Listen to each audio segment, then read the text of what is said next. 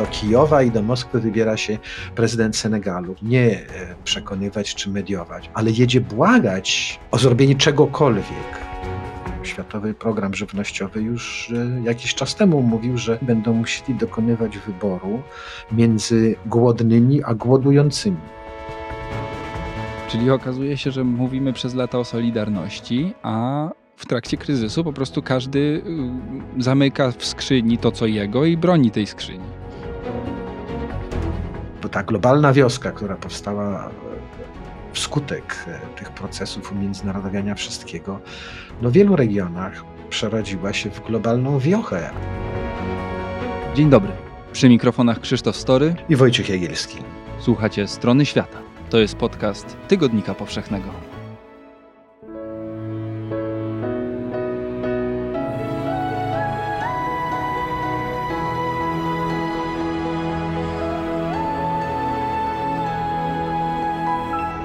Podcast powszechny. Weź, słuchaj. Mam tutaj otwartą stronę tygodnikpowszechny.pl i tekst e, z ostatniego e, numeru Rosja bierze świat głodem. I niestety ten tytuł jest dość bolesnym opisem rzeczywistości.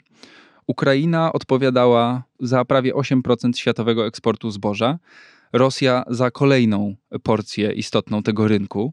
Z ukraińskich czarnomorskich portów miesięcznie wypływało 4,5 miliona ton produktów rolnych, zwłaszcza pszenicy, kukurydzy, olejów spożywczych.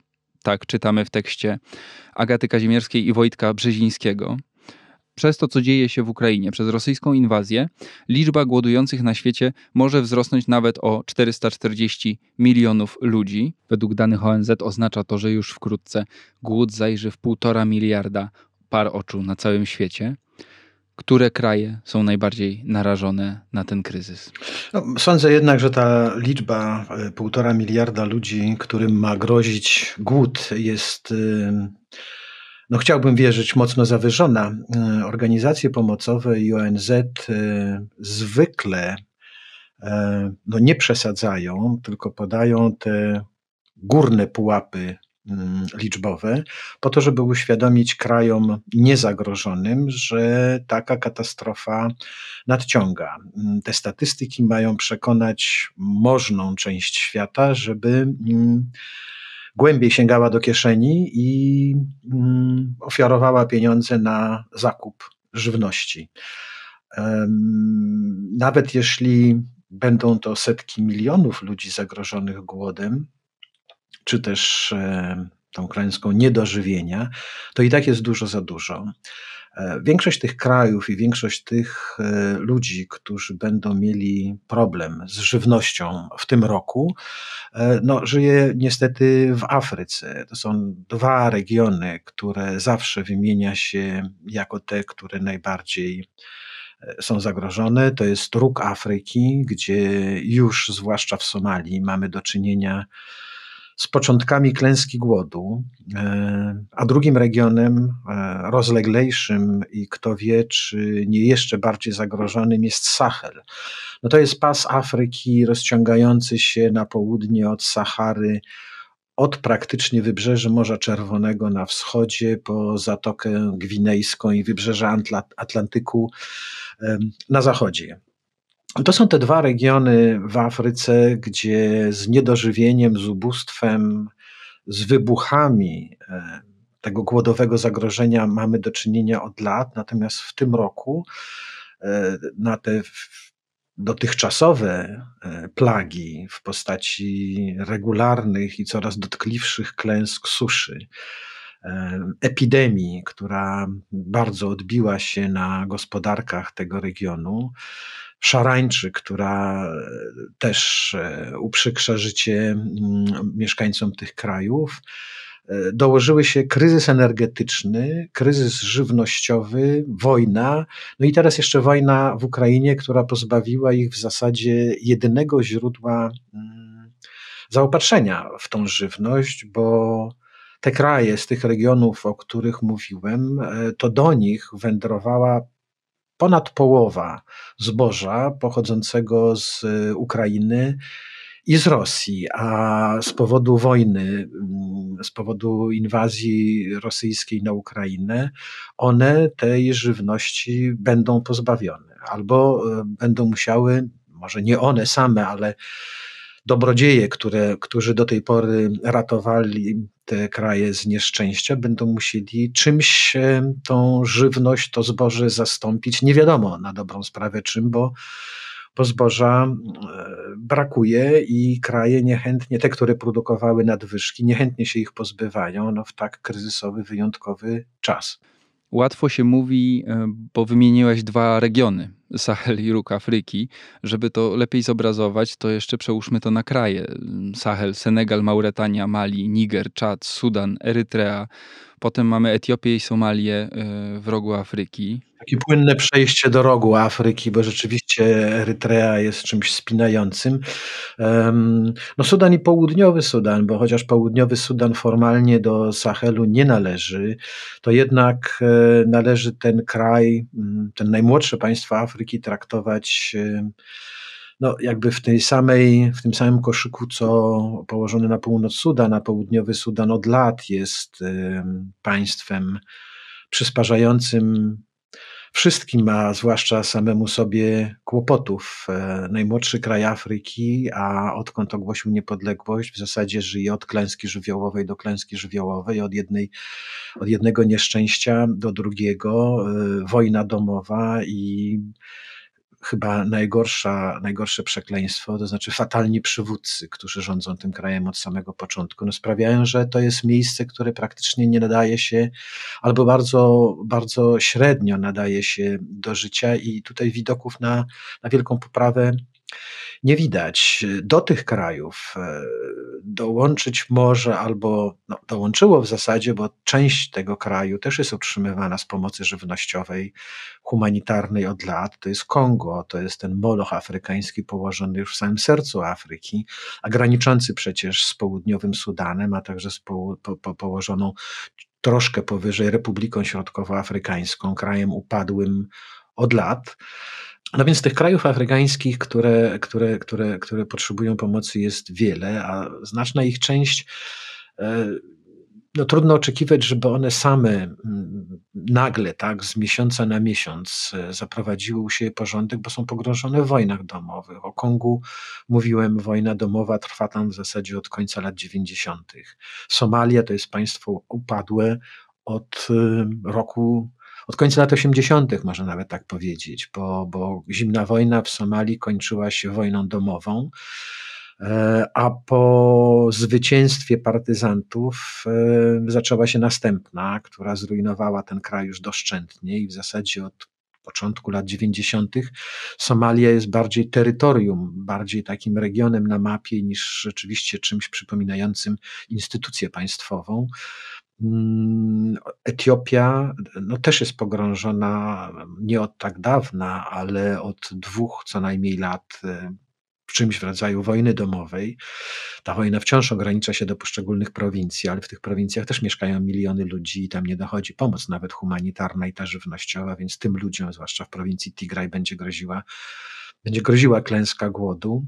A cały Sahel to są takie dzikie pola na mapach widzimy proste linie oddzielające Czad od Mali, e, czy od Nigru, czy od Burkina Faso, kolejne granice, natomiast e, władza rządów centralnych kończy się na rogatkach stolic, a w interiorze działają od niedawna, znaczy od niedawna, no 10 lat to nie jest taka dawna perspektywa w porównaniu z tym, co się dzieje w Kongu czy w Somalii, ale działają afrykańscy dżihadyści, którzy zawłaszczyli sobie te, to, to, to, te terytorium, a Niger, a także Mali zaliczały się jeszcze do niedawna do poważnych producentów przynajmniej jednego z tych zbóż, to znaczy prosa. E, no dziś, kiedy mm, toczą się tam wojny, i w interiorze grasują dżihadyści, rozniecając wojny etniczne i religijne.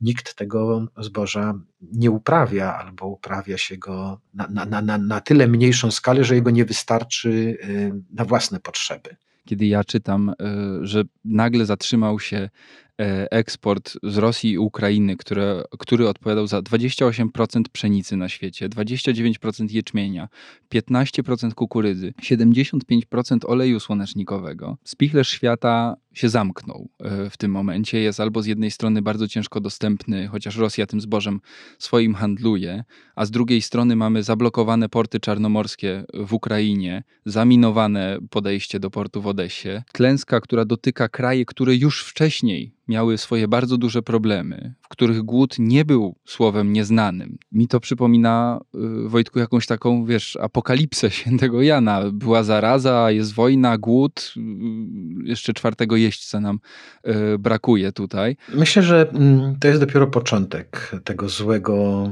złego czasu.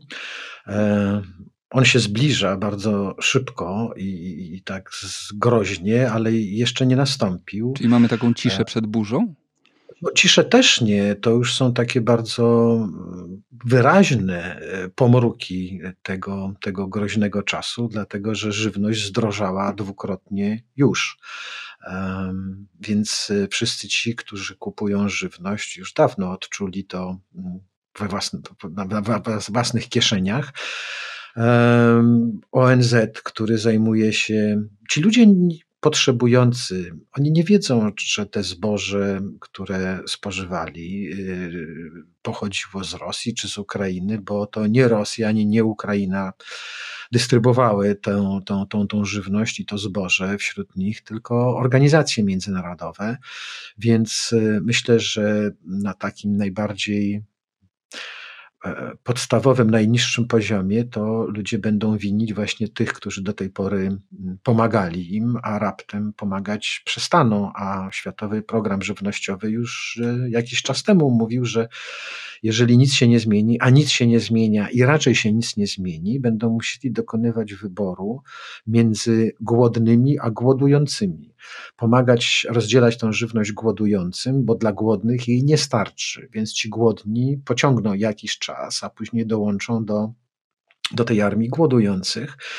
E, myślę, że, że, że, że dzisiaj tej świadomości, skąd to się bierze, ani czym to się skończy, nie ma może także dlatego, że, no tak jak wspomniałeś, może nie klęska głodu, ale to zagrożenie niedożywienia e, jest nam obecne no, prawie stało się elementem życia codziennego. Nam trudno sobie wyobrazić, e, jak można żyć zjadając jeden posiłek dziennie, czy półtora posiłku dziennie, a tam z tego półtora posiłku wkrótce e, będą musieli się ograniczyć do jednego albo, albo rozdzielać ten jeden na dwa dużo skromniejsza niedożywienie.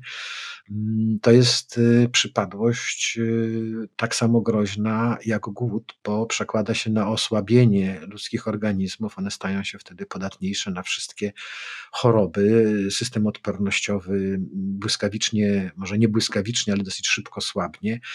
Co mogą zrobić ci ludzie? No, robią to od lat. Jeżeli widzą, że jakieś miejsce nie, da, nie nadaje się do życia, to ruszają do najbliższego, gdzie jest nadzieja na jakiś ratunek.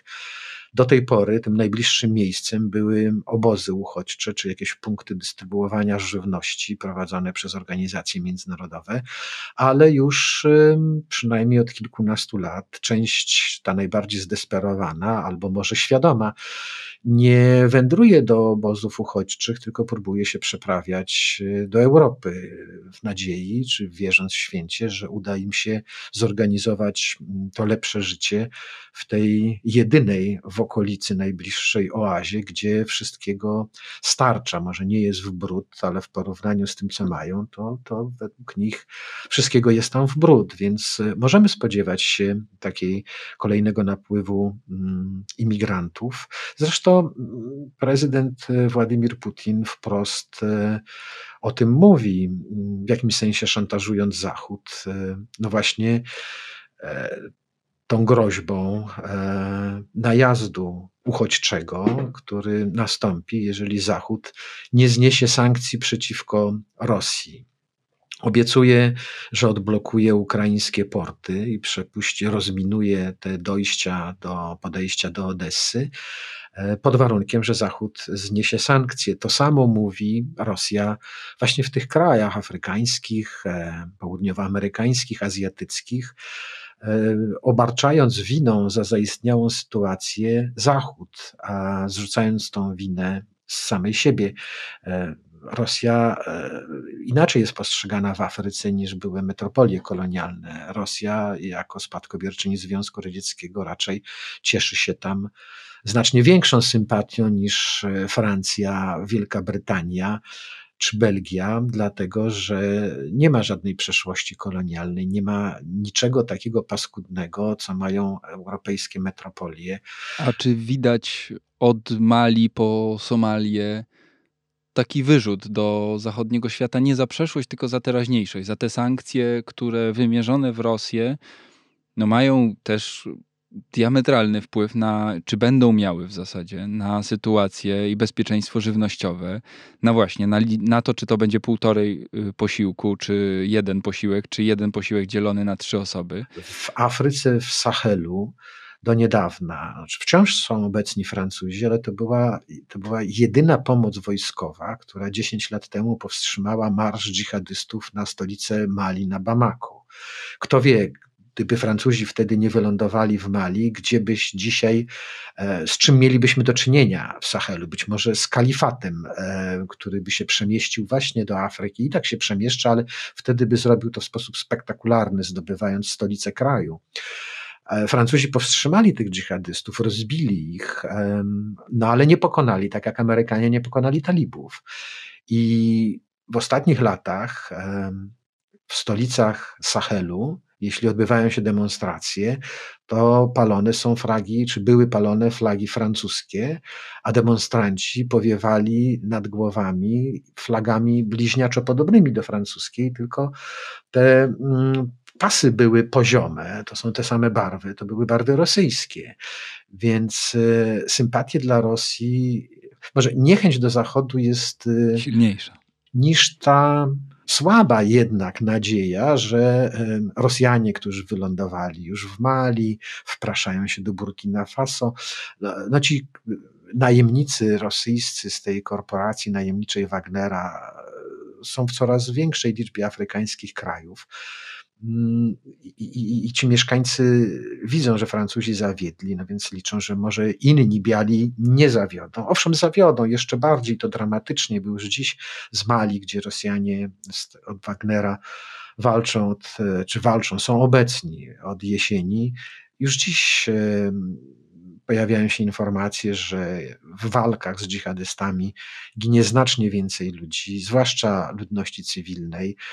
Minie dużo, upłynie znacznie mniej czasu, kiedy mieszkańcy Sahelu rozczarują się także co do Rosji, ale na dziś sądzę, że bardziej trafiają im do przekonania argumenty rosyjskie, bałamutne, e, no ale jak każda demagogia, ona raczej trafia do ludzkiej wyobraźni niż racjonalne argumenty. E, przekazujące taki prawdziwy, za to bardziej, prawdziwy zawsze jest bardziej skomplikowany obraz, a, a, a człowiek, zwłaszcza w potrzebie, zwłaszcza w nieszczęściu, ma takie pragnienie biało-czarnego świata, wskazania winnego i tego, na kogo można liczyć, a Rosjanie pokazują wyraźnie. Winny jest Zachód. Myślę, że każdy potrzebuje czarno-białego wyjaśnienia w e, czarno-białych sytuacjach, a taką czarno-białą sytuacją jest pusty talerz czy pusty garnek e, i po prostu głód. Ja bym się chciał z Tobą cofnąć trochę do historii mówimy o potężnym kryzysie, który gdzieś nad nami krąży. I to krąży, szczerze mówiąc, nie od dzisiaj, bo jeszcze przed wojną właśnie y, Światowy Program Żywnościowy ostrzegał, że 2022 będzie fatalnym rokiem. I to nie ze względu na, y, na wojnę, tylko choćby ze względu na zmiany klimatu. To widzimy. Y, ekstremalne temperatury w Indiach, o których wspominaliśmy. Ty mówiłeś, że nigdy w życiu nie pisałeś tyle tekstów o pogodzie, co w tym roku. Chciałbym się zastanowić, jak myśmy się w ogóle w tym miejscu znaleźli. Jak to się dzieje, że półtora miliarda ludzi jest tak bardzo zależnych żywnościowo od dwóch państw europejskich, Możemy tutaj do tej listy pewnie dopisać jeszcze Białoruś jako też dużego producenta y, żywności i nawozów zwłaszcza. Jak to się dzieje, że Sahel, róg Afryki są tak bardzo uzależnione żywnościowo od tych dostaw z Rosji i z Ukrainy? Wydaje mi się, że no, to jest związane z e, procesami cywilizacyjnymi, którymi jesteśmy świadkami. Czyli globalizacja jest winna? No, w jakimś sensie z całą pewnością tak, no, winna. Oczywiście, no, tak jak kiedyś w Twoim pytaniu, co można zrobić, dzisiaj już nie, ale parę lat temu jeszcze w podobnym pytaniu zawsze pobrzękiwało taki wyrzut, znaczy, co za, dlaczego Zachód jeszcze nie zainterweniował? Dlaczego Zachód czegoś nie zrobił? Co, coś, co, co się dzieje z Ameryką? No, Zachód nie jest wszystkiemu winien, ani nie jest Herkulesem, który y, y, poradzi sobie ze wszystkimi pracami. Wiele y, przekracza jego możliwości i intelektualne, i fizyczne.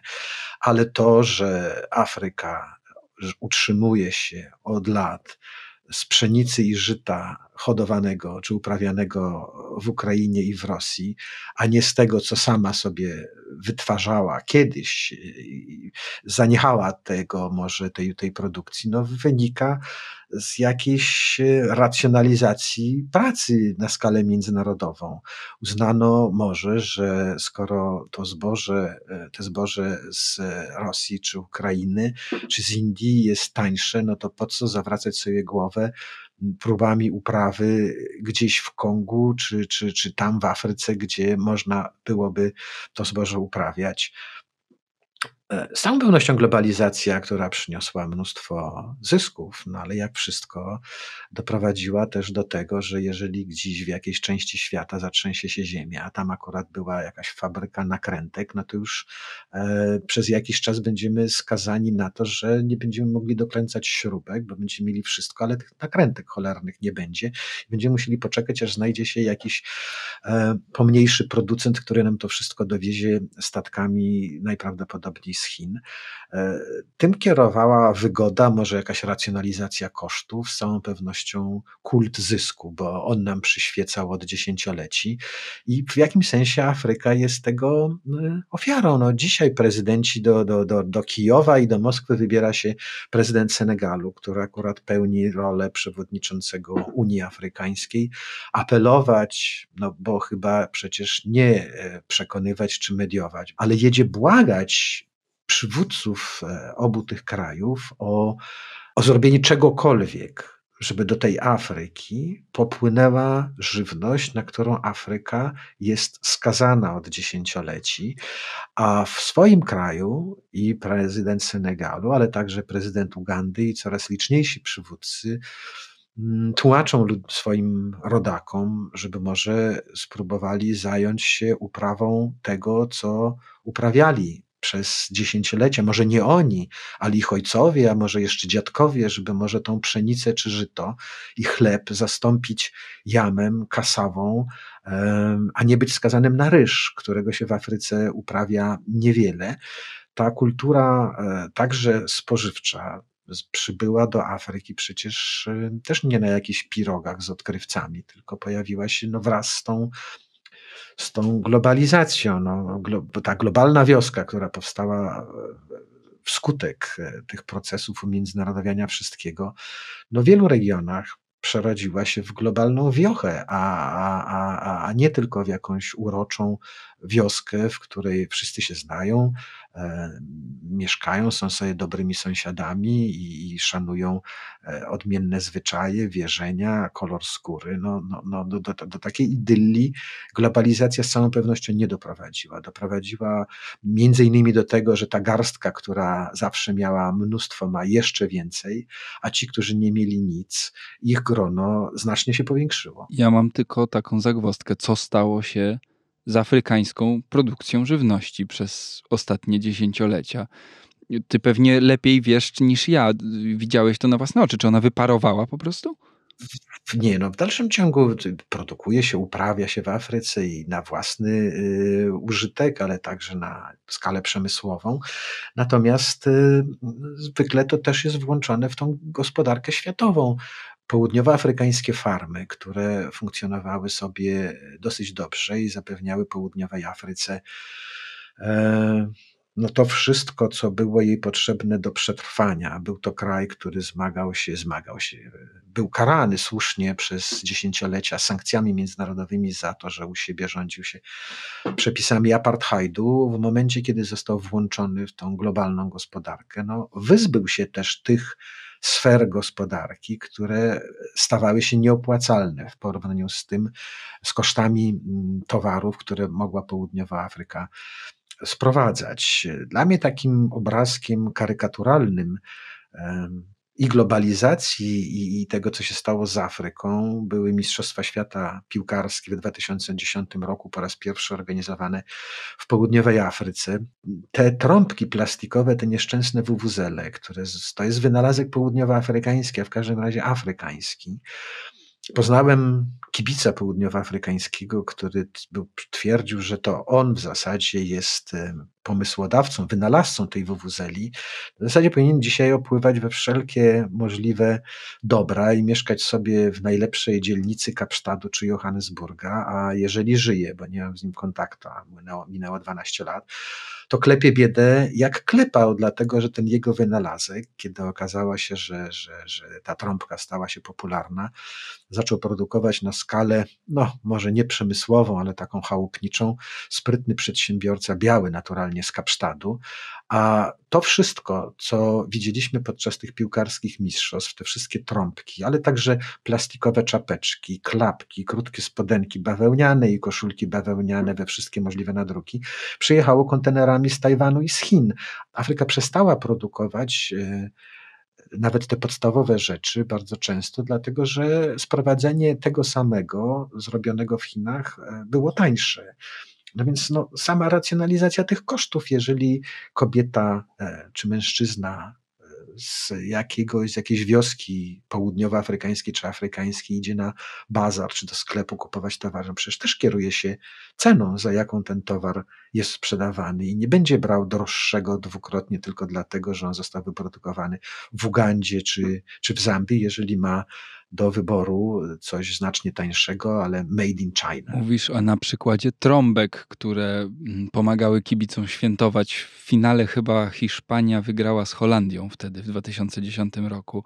Tak było. No dobra, jedna rzecz to są trąbki, y, które zabierzemy na stadion, ale żeby oddać zupełnie swoje bezpieczeństwo żywnościowe w ręce krajów odległych o pół świata i liczyć, że tam się nigdy nic nie stanie, no chyba słowo krótkowzroczne jakoś pasuje. Pytanie, czy, to, czy jest nad tym jakaś refleksja dzisiaj y, w Afryce i, i czy to w ogóle była świadoma decyzja wtedy? No, no i była to decyzja podjęta podczas jakiejś narady e, zwołanej w Kinszasie, Kairze, czy przy okazji kolejnego zgromadzenia przywódców e, w Nowym Jorku, w e, siedzibie głównej ONZ. To był proces, którego skutkiem jest to, z czym dzisiaj mamy do czynienia.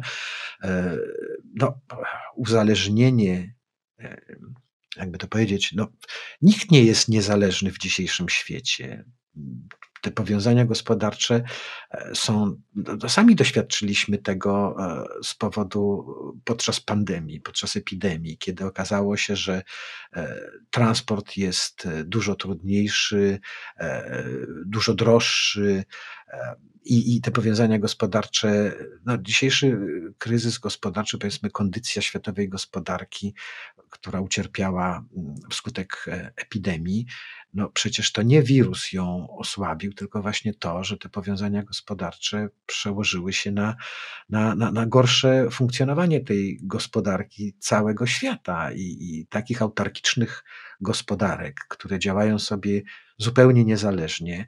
Myślę, że e, jakbyśmy próbowali naprawdę tak na siłę szukać, to może byśmy znaleźli kilka e, i wcale byśmy nie powiedzieli, że e, chcielibyśmy mieszkać w krajach, które właśnie ten rodzaj gospodarki prowadzą. W dzisiejszym świecie nie da się żyć oderwanym od reszty świata, a on jest no, tak zintegrowany, że kryzys w jednej części powoduje kryzysy innego rodzaju po drugiej stronie globu. To, czego ten zglobalizowany świat nie dopatrzył, to może właśnie, żeby nie dopuścić, stworzyć jakiś mechanizm, jeżeli już nie wychować obywateli do tego i, i rządy tych obywateli do tego, że skoro mamy, jesteśmy wszyscy od siebie zależni, to powinniśmy jednak w dobrym sąsiedztwie ze sobą żyć no właśnie, żeby nie do, stworzyć jakiś mechanizm, który by zabezpieczał świat przed takimi nieszczęściami, jak wojna w spichlerzu świata. Od lat na wszystkich szczytach się mówi o solidarności żywnościowej, tylko się mówi. A okazuje się, że w kryzysie od początku wojny, mówiąc o tej solidarności, 23 kraje, e, od Kazachstanu do Kuwejtu, przez na przykład Indie, które zakazały eksportu e, pszenicy, wprowadziły jakieś restrykcje na eksport żywności, które sumują się do mniej więcej 10% y, kalorii produkowanych na świecie. Czyli okazuje się, że mówimy przez lata o solidarności, a w trakcie kryzysu po prostu każdy y, zamyka w skrzyni to, co jego i broni tej skrzyni. No, z drugiej strony, czy dziwiłbyś się, czy byśmy się dziwili, czy powinniśmy się dziwić premierowi Indii, który mm, mówi, że najpierw musi zadbać o swoich obywateli, a dopiero później będzie się przejmował mieszkańcami innych krajów.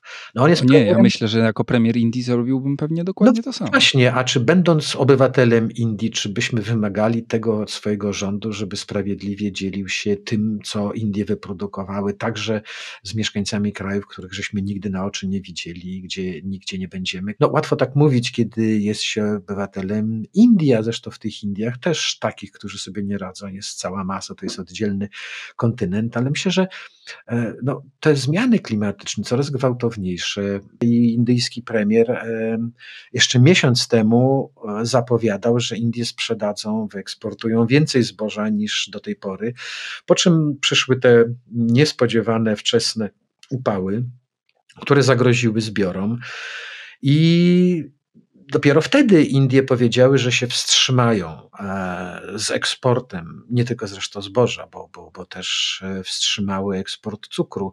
I myślę, że wiele krajów, no Chiny, y, te zbiory w Chinach, a to jest największy producent pszenicy na świecie, też są gorsze niż e, wcześniej z powodu mm, tych gwałtownych zmian pogodowych i, i, i z tym będziemy mieli do czynienia pewnie niestety coraz częściej. I no, nie na samą wojnę i na, nie, nie, na same nieszczęście ukraińskie można zrzucać e, winę tego, za to wszystko, co się, co, co się dzieje. E, myślę, że ten klimat e, w równej mierze przyczynił się, te zmiany klimatu w równej mierze przyczyniły się do takiej, a nie innej sytuacji, co wojna. Ta wojna oczywiście no, bardzo. Mm, przejaskrawia albo, albo, albo stawia sprawę już tak naprawdę bardzo na ostrzu noża, no ale sam wspomniałeś, że Światowy Program Żywnościowy od miesięcy ostrzegał, że rok 2022 będzie krytyczny e, pod względem bezpieczeństwa żywnościowego. Ciężko tutaj sugerować jakieś rozwiązania. Nie jesteśmy na szczycie G7, tylko w podcaście Tygodnika Powszechnego, więc niestety nie rozwiążemy tutaj problemu głodu na świecie. Rozwiązań, które się pojawiają, jest kilka. Oczywiście no, odblokowanie portu w Odesie byłoby e, świetną wiadomością, na to się niestety nie zanosi. Część zboża e, jest wywożona z Ukrainy teraz e, drogą lądową, między innymi przez Bałkany, pociągami. Tak się da wywieźć no, może 20%. Część też kradnie rosyjska armia. Jest propozycja i pierwsze kroki podejmowane, żeby zmniejszyć y, część naszych upraw, która idzie na biopaliwa, bo około 10% ze wszystkich zbóż y, trafia mm, jako surowiec do produkcji biopaliw. E, można by to zagospodarować inaczej, tak żeby się po prostu wyżywić. To są wszystko rozwiązania częściowe. Są też alternatywni, yy, są też inni dostawcy tej żywności. Brazylia w ciągu pierwszych dwóch miesięcy tego roku wyeksportowała więcej żywności niż przez cały poprzedni rok. No tylko, że Brazylia robi to na przykład w oparciu, ta produkcja to jest głównie wołowina, robi to na przykład w oparciu o rosyjskie czy białoruskie nawozy. Niestety łańcuch dostaw ma to do siebie, że wystarczy zerwać jedno ogniwo i sypie się całość. Myślę, że więcej jeszcze, bo, bo, bo te zboże w ukraińskich silosach, owszem, te, które nie zostały zniszczone, tam czeka, ale czy nam ukraiński rząd w takiej sytuacji, w jakiej się znalazł, czy on to zboże zgodzi się, czy będzie chciał wysyłać w świat, czy też raczej zostawi je na potrzeby swoich obywateli. E, mamy maj, kończy się. W zasadzie mamy już czerwiec. E, za chwilkę e, będziemy mówić o tym, że zboża nie zostały zebrane, powodu, znaczna część zbóż tegorocznych nie została zebrana z powodu wojny, a pola nie zostały z tego samego powodu obsiane, więc mamy już jakby też zapowiedź tego, co może się zdarzyć w przyszłym roku no bo jeżeli się nie obsieje, no to się jej za rok e, nie zbierze, więc e, te rozwiązania bieżące są troszeczkę, oczywiście są potrzebne, bo trzeba jakoś radzić i, i, i, i tymi sytuacjami najbardziej kryzysowymi zarządzać, ale to jest troszkę jak z dolewaniem benzyny do dziurawego baku w samochodzie, że można dojechać do najbliższej stacji benzynowej i znów uzupełnić i, i, i tak dalej jechać. Da się przejechać 30, pewnie 40 kilometrów, ale w podróż dalszą, 400-kilometrową już tak się nie, nie pociągnie. Grzmi i błyska się tak y, mm, słuchając Ciebie mam takie odczucie, że, że gotuje nam się po prostu bardzo duża burza y, na świecie, która przełoży się na bardzo, bardzo realne dylematy, to znaczy czym nakarmić swoją rodzinę, e, swoje dzieci w wielu miejscach na świecie, e, zwłaszcza w Afryce. Widziałeś głód y, wiele razy osobiście, co on robi z człowiekiem, bo głód to nie jest tylko jakiś bilans kaloryczny, który możemy sobie wyobrażać, zapisać na kartce. A myślę, że my w Europie bardzo słabo sobie to w ogóle wyobrażamy co on oznacza, bo to się przełoży na rozmaite decyzje, od migracji, o których już wspominaliśmy, po jakieś niepokoje polityczne e, w wielu krajach. No, braki wywołują zawsze protesty uliczne. Wiele z tych protestów, jeżeli trafia na podatny polityczny grunt, przeradza się w rewolucję czy próbę rewolucji. Wiele rewolucji, które nie są samym żadnym rozwiązaniem samym w sobie, kończy się wybuchami E, wojen domowych. Dla mnie takim pierwszym wrażeniem, jakie miałem, może właśnie pierwsze, kiedy to jeszcze było na początku tych moich podróży dziennikarskich, ale często to pierwsze wrażenie może jest najprawdziwsze, kto wie. Odnosiłem takie właśnie wrażenie, że mm, taka sytuacja cierpiącego, może nie głód, ale no, żyjącego z mocno zaciśniętym paskiem uchodźcy mm, odbiera mu jakąkolwiek przedsiębiorczość i perspektywę. E, z człowieka mającego jakiekolwiek plany, marzenia, aspiracje, e, staje się istotą, której idzie tylko o to, żeby przetrwać do następnego dnia. Nam trudno i mam nadzieję, że nigdy to się nie stanie naszym doświadczeniem i że nie będziemy musieli się za bardzo do nawet zbliżać, e, żeby popatrzeć na takich ludzi, mm, ale to było dla mnie chyba najbardziej, najbardziej e, przejmujące. To są pozbawieni, ktoś pozbawiony przyszłości, takie miałem, takie miałem wrażenie. I, I w dodatku ktoś zrezygnowany z tą rolą, pogodzony z tą rolą. Ktoś głodny to ktoś pozbawiony przyszłości. Obyśmy jak najdłużej, my osobiście, ale też obyśmy jak najmniej w ogóle mieli takich obrazów na świecie. Póki co niestety się na to nie zanosi, ale no my jesteśmy jako Polska i też wygodnie nam mówić z tej perspektywy póki co po tej stronie, która ma się czym dzielić i to od niej zależy, czy będzie się dzielić, czy nie, a nie po stronie, która czeka, aż ktoś się z nią podzieli. O nadchodzącym e, kryzysie żywnościowym e, na świecie rozmawialiśmy w tej stronie świata. Będziemy z Wami z powrotem za chwilę.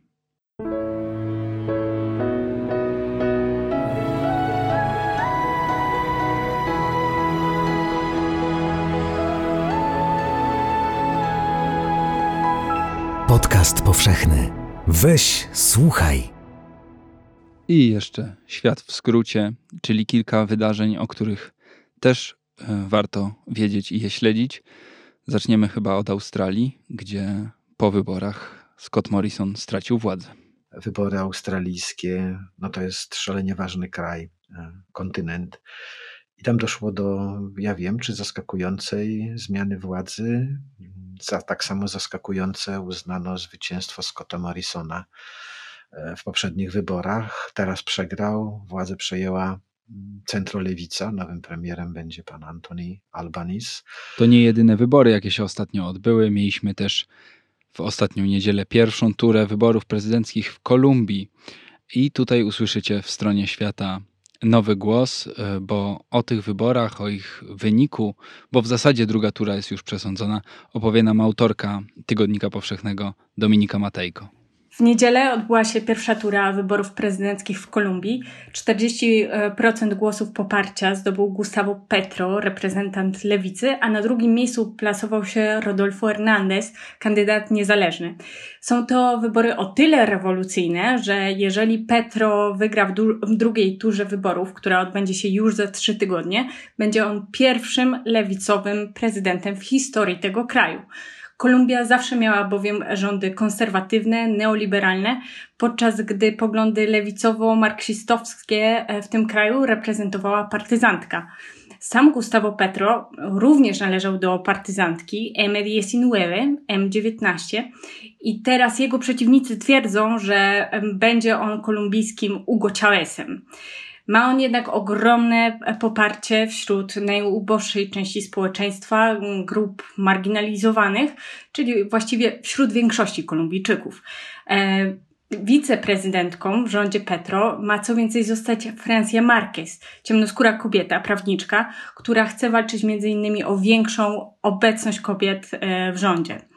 E, jego przeciwnik, e, Hernandez, e, przekonał swoich wyborców planami walki z korupcją, i która teraz jest jednym z największych problemów tego kraju, oraz faktem, że nie przynależy do, do żadnej partii politycznej. Dlatego Hernandez jest dla wielu swoistą trzecią drogą i ucieczką od odwiecznej walki lewicy z prawicą. Druga tura wyborów jest właściwie przesądzona to nigdy wcześniej w Kolumbii wyborom nie towarzyszyło tyle emocji.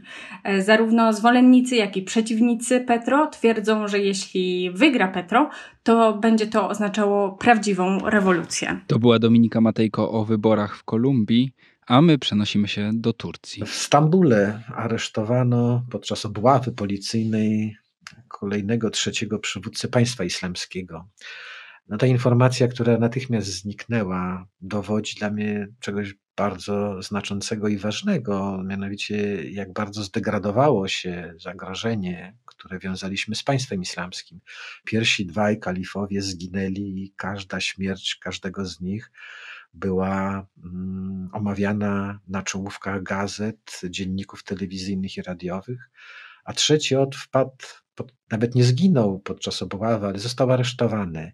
No to już chyba pokazuje przynajmniej upadek tej eufracko-tygryskiej e, części kalifatu, bo mnie bardziej niepokoi ten kalifat, to państwo islamskie, które dzisiaj buszuje po Afryce, po Sahelu, E, coraz większe ma ambicje, żeby przedostawać się w głąb do równi, na, na, na, nad równik. Chyba poświęcimy mu odcinek, prawda? Należałoby, należałoby, bo, bo, bo to wcale te zagrożenie y, nie zniknęło, a raczej przed, jest bliżej nas, no bo ta, ta, ta, ta część świata jest jednak bliżej Europy niż, niż Bliski Wschód.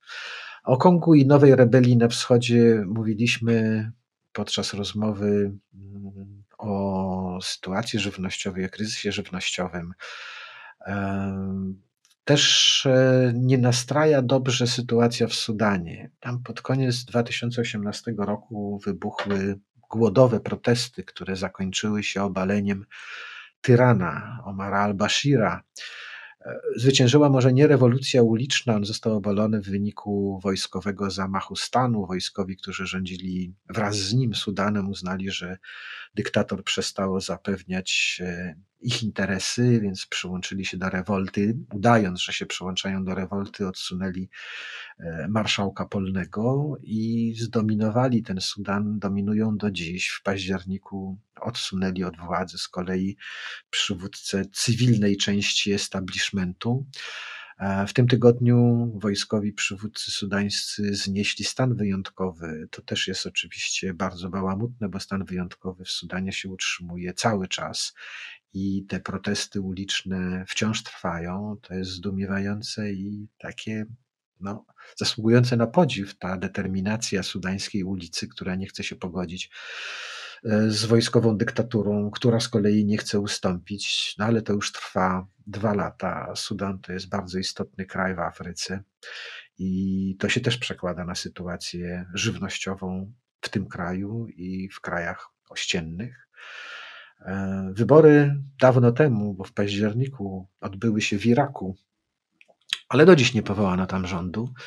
Może to jest sposób tych, którzy władzę sprawowali, żeby przedłużać swoje panowanie, godzić się na wybory, godzić się z porażką, a potem czekać, aż posłowie będą się kłócić ze sobą w nieskończoność. I w ten sposób no, z czteroletniej kadencji już pół roku minęło. No, tylko tak dalej, wtedy premier będzie rządził wiecznie. Kłótliwość irackich polityków też bardzo no, nie pomaga, bo e, to w Somalii utworzono nowy rząd i mimo kłopotów, e, mimo klęski głodu i mimo szalejących dżihadystów zdecydowano się na wybory prezydenckie. Przeprowadzono te wybory, mm, aczkolwiek nie bezpośrednie, głównie po to, żeby nowy przywódca mógł negocjować z Międzynarodowym Funduszem Walutowym i zachodnimi bankami warunki nowych kredytów, jakiejkolwiek współpracy z tymi, którzy mogą pomóc. No więc Somalijczycy wykazali się dużo większą wyobraźnią i odpowiedzialnością niż e, politycy z Bagdadu. Przy mikrofonach Krzysztof Story i Wojciech Jagielski. Dziękujemy Wam bardzo, że z nami jesteście. Słuchacie kolejnych odcinków, czytacie teksty na tygodnikpowszechny.pl i wspieracie nas także w serwisie Patronite. Jeśli ktoś by chciał dołączyć do grona wspierających ten podcast, to zapraszam na patronite.pl ukośnik podcast Tygodnika Powszechnego. A my już Wam dziękujemy e, i możemy Wam powiedzieć do usłyszenia.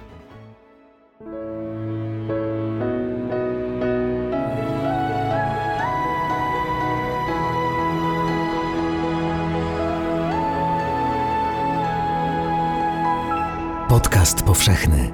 Weź, słuchaj.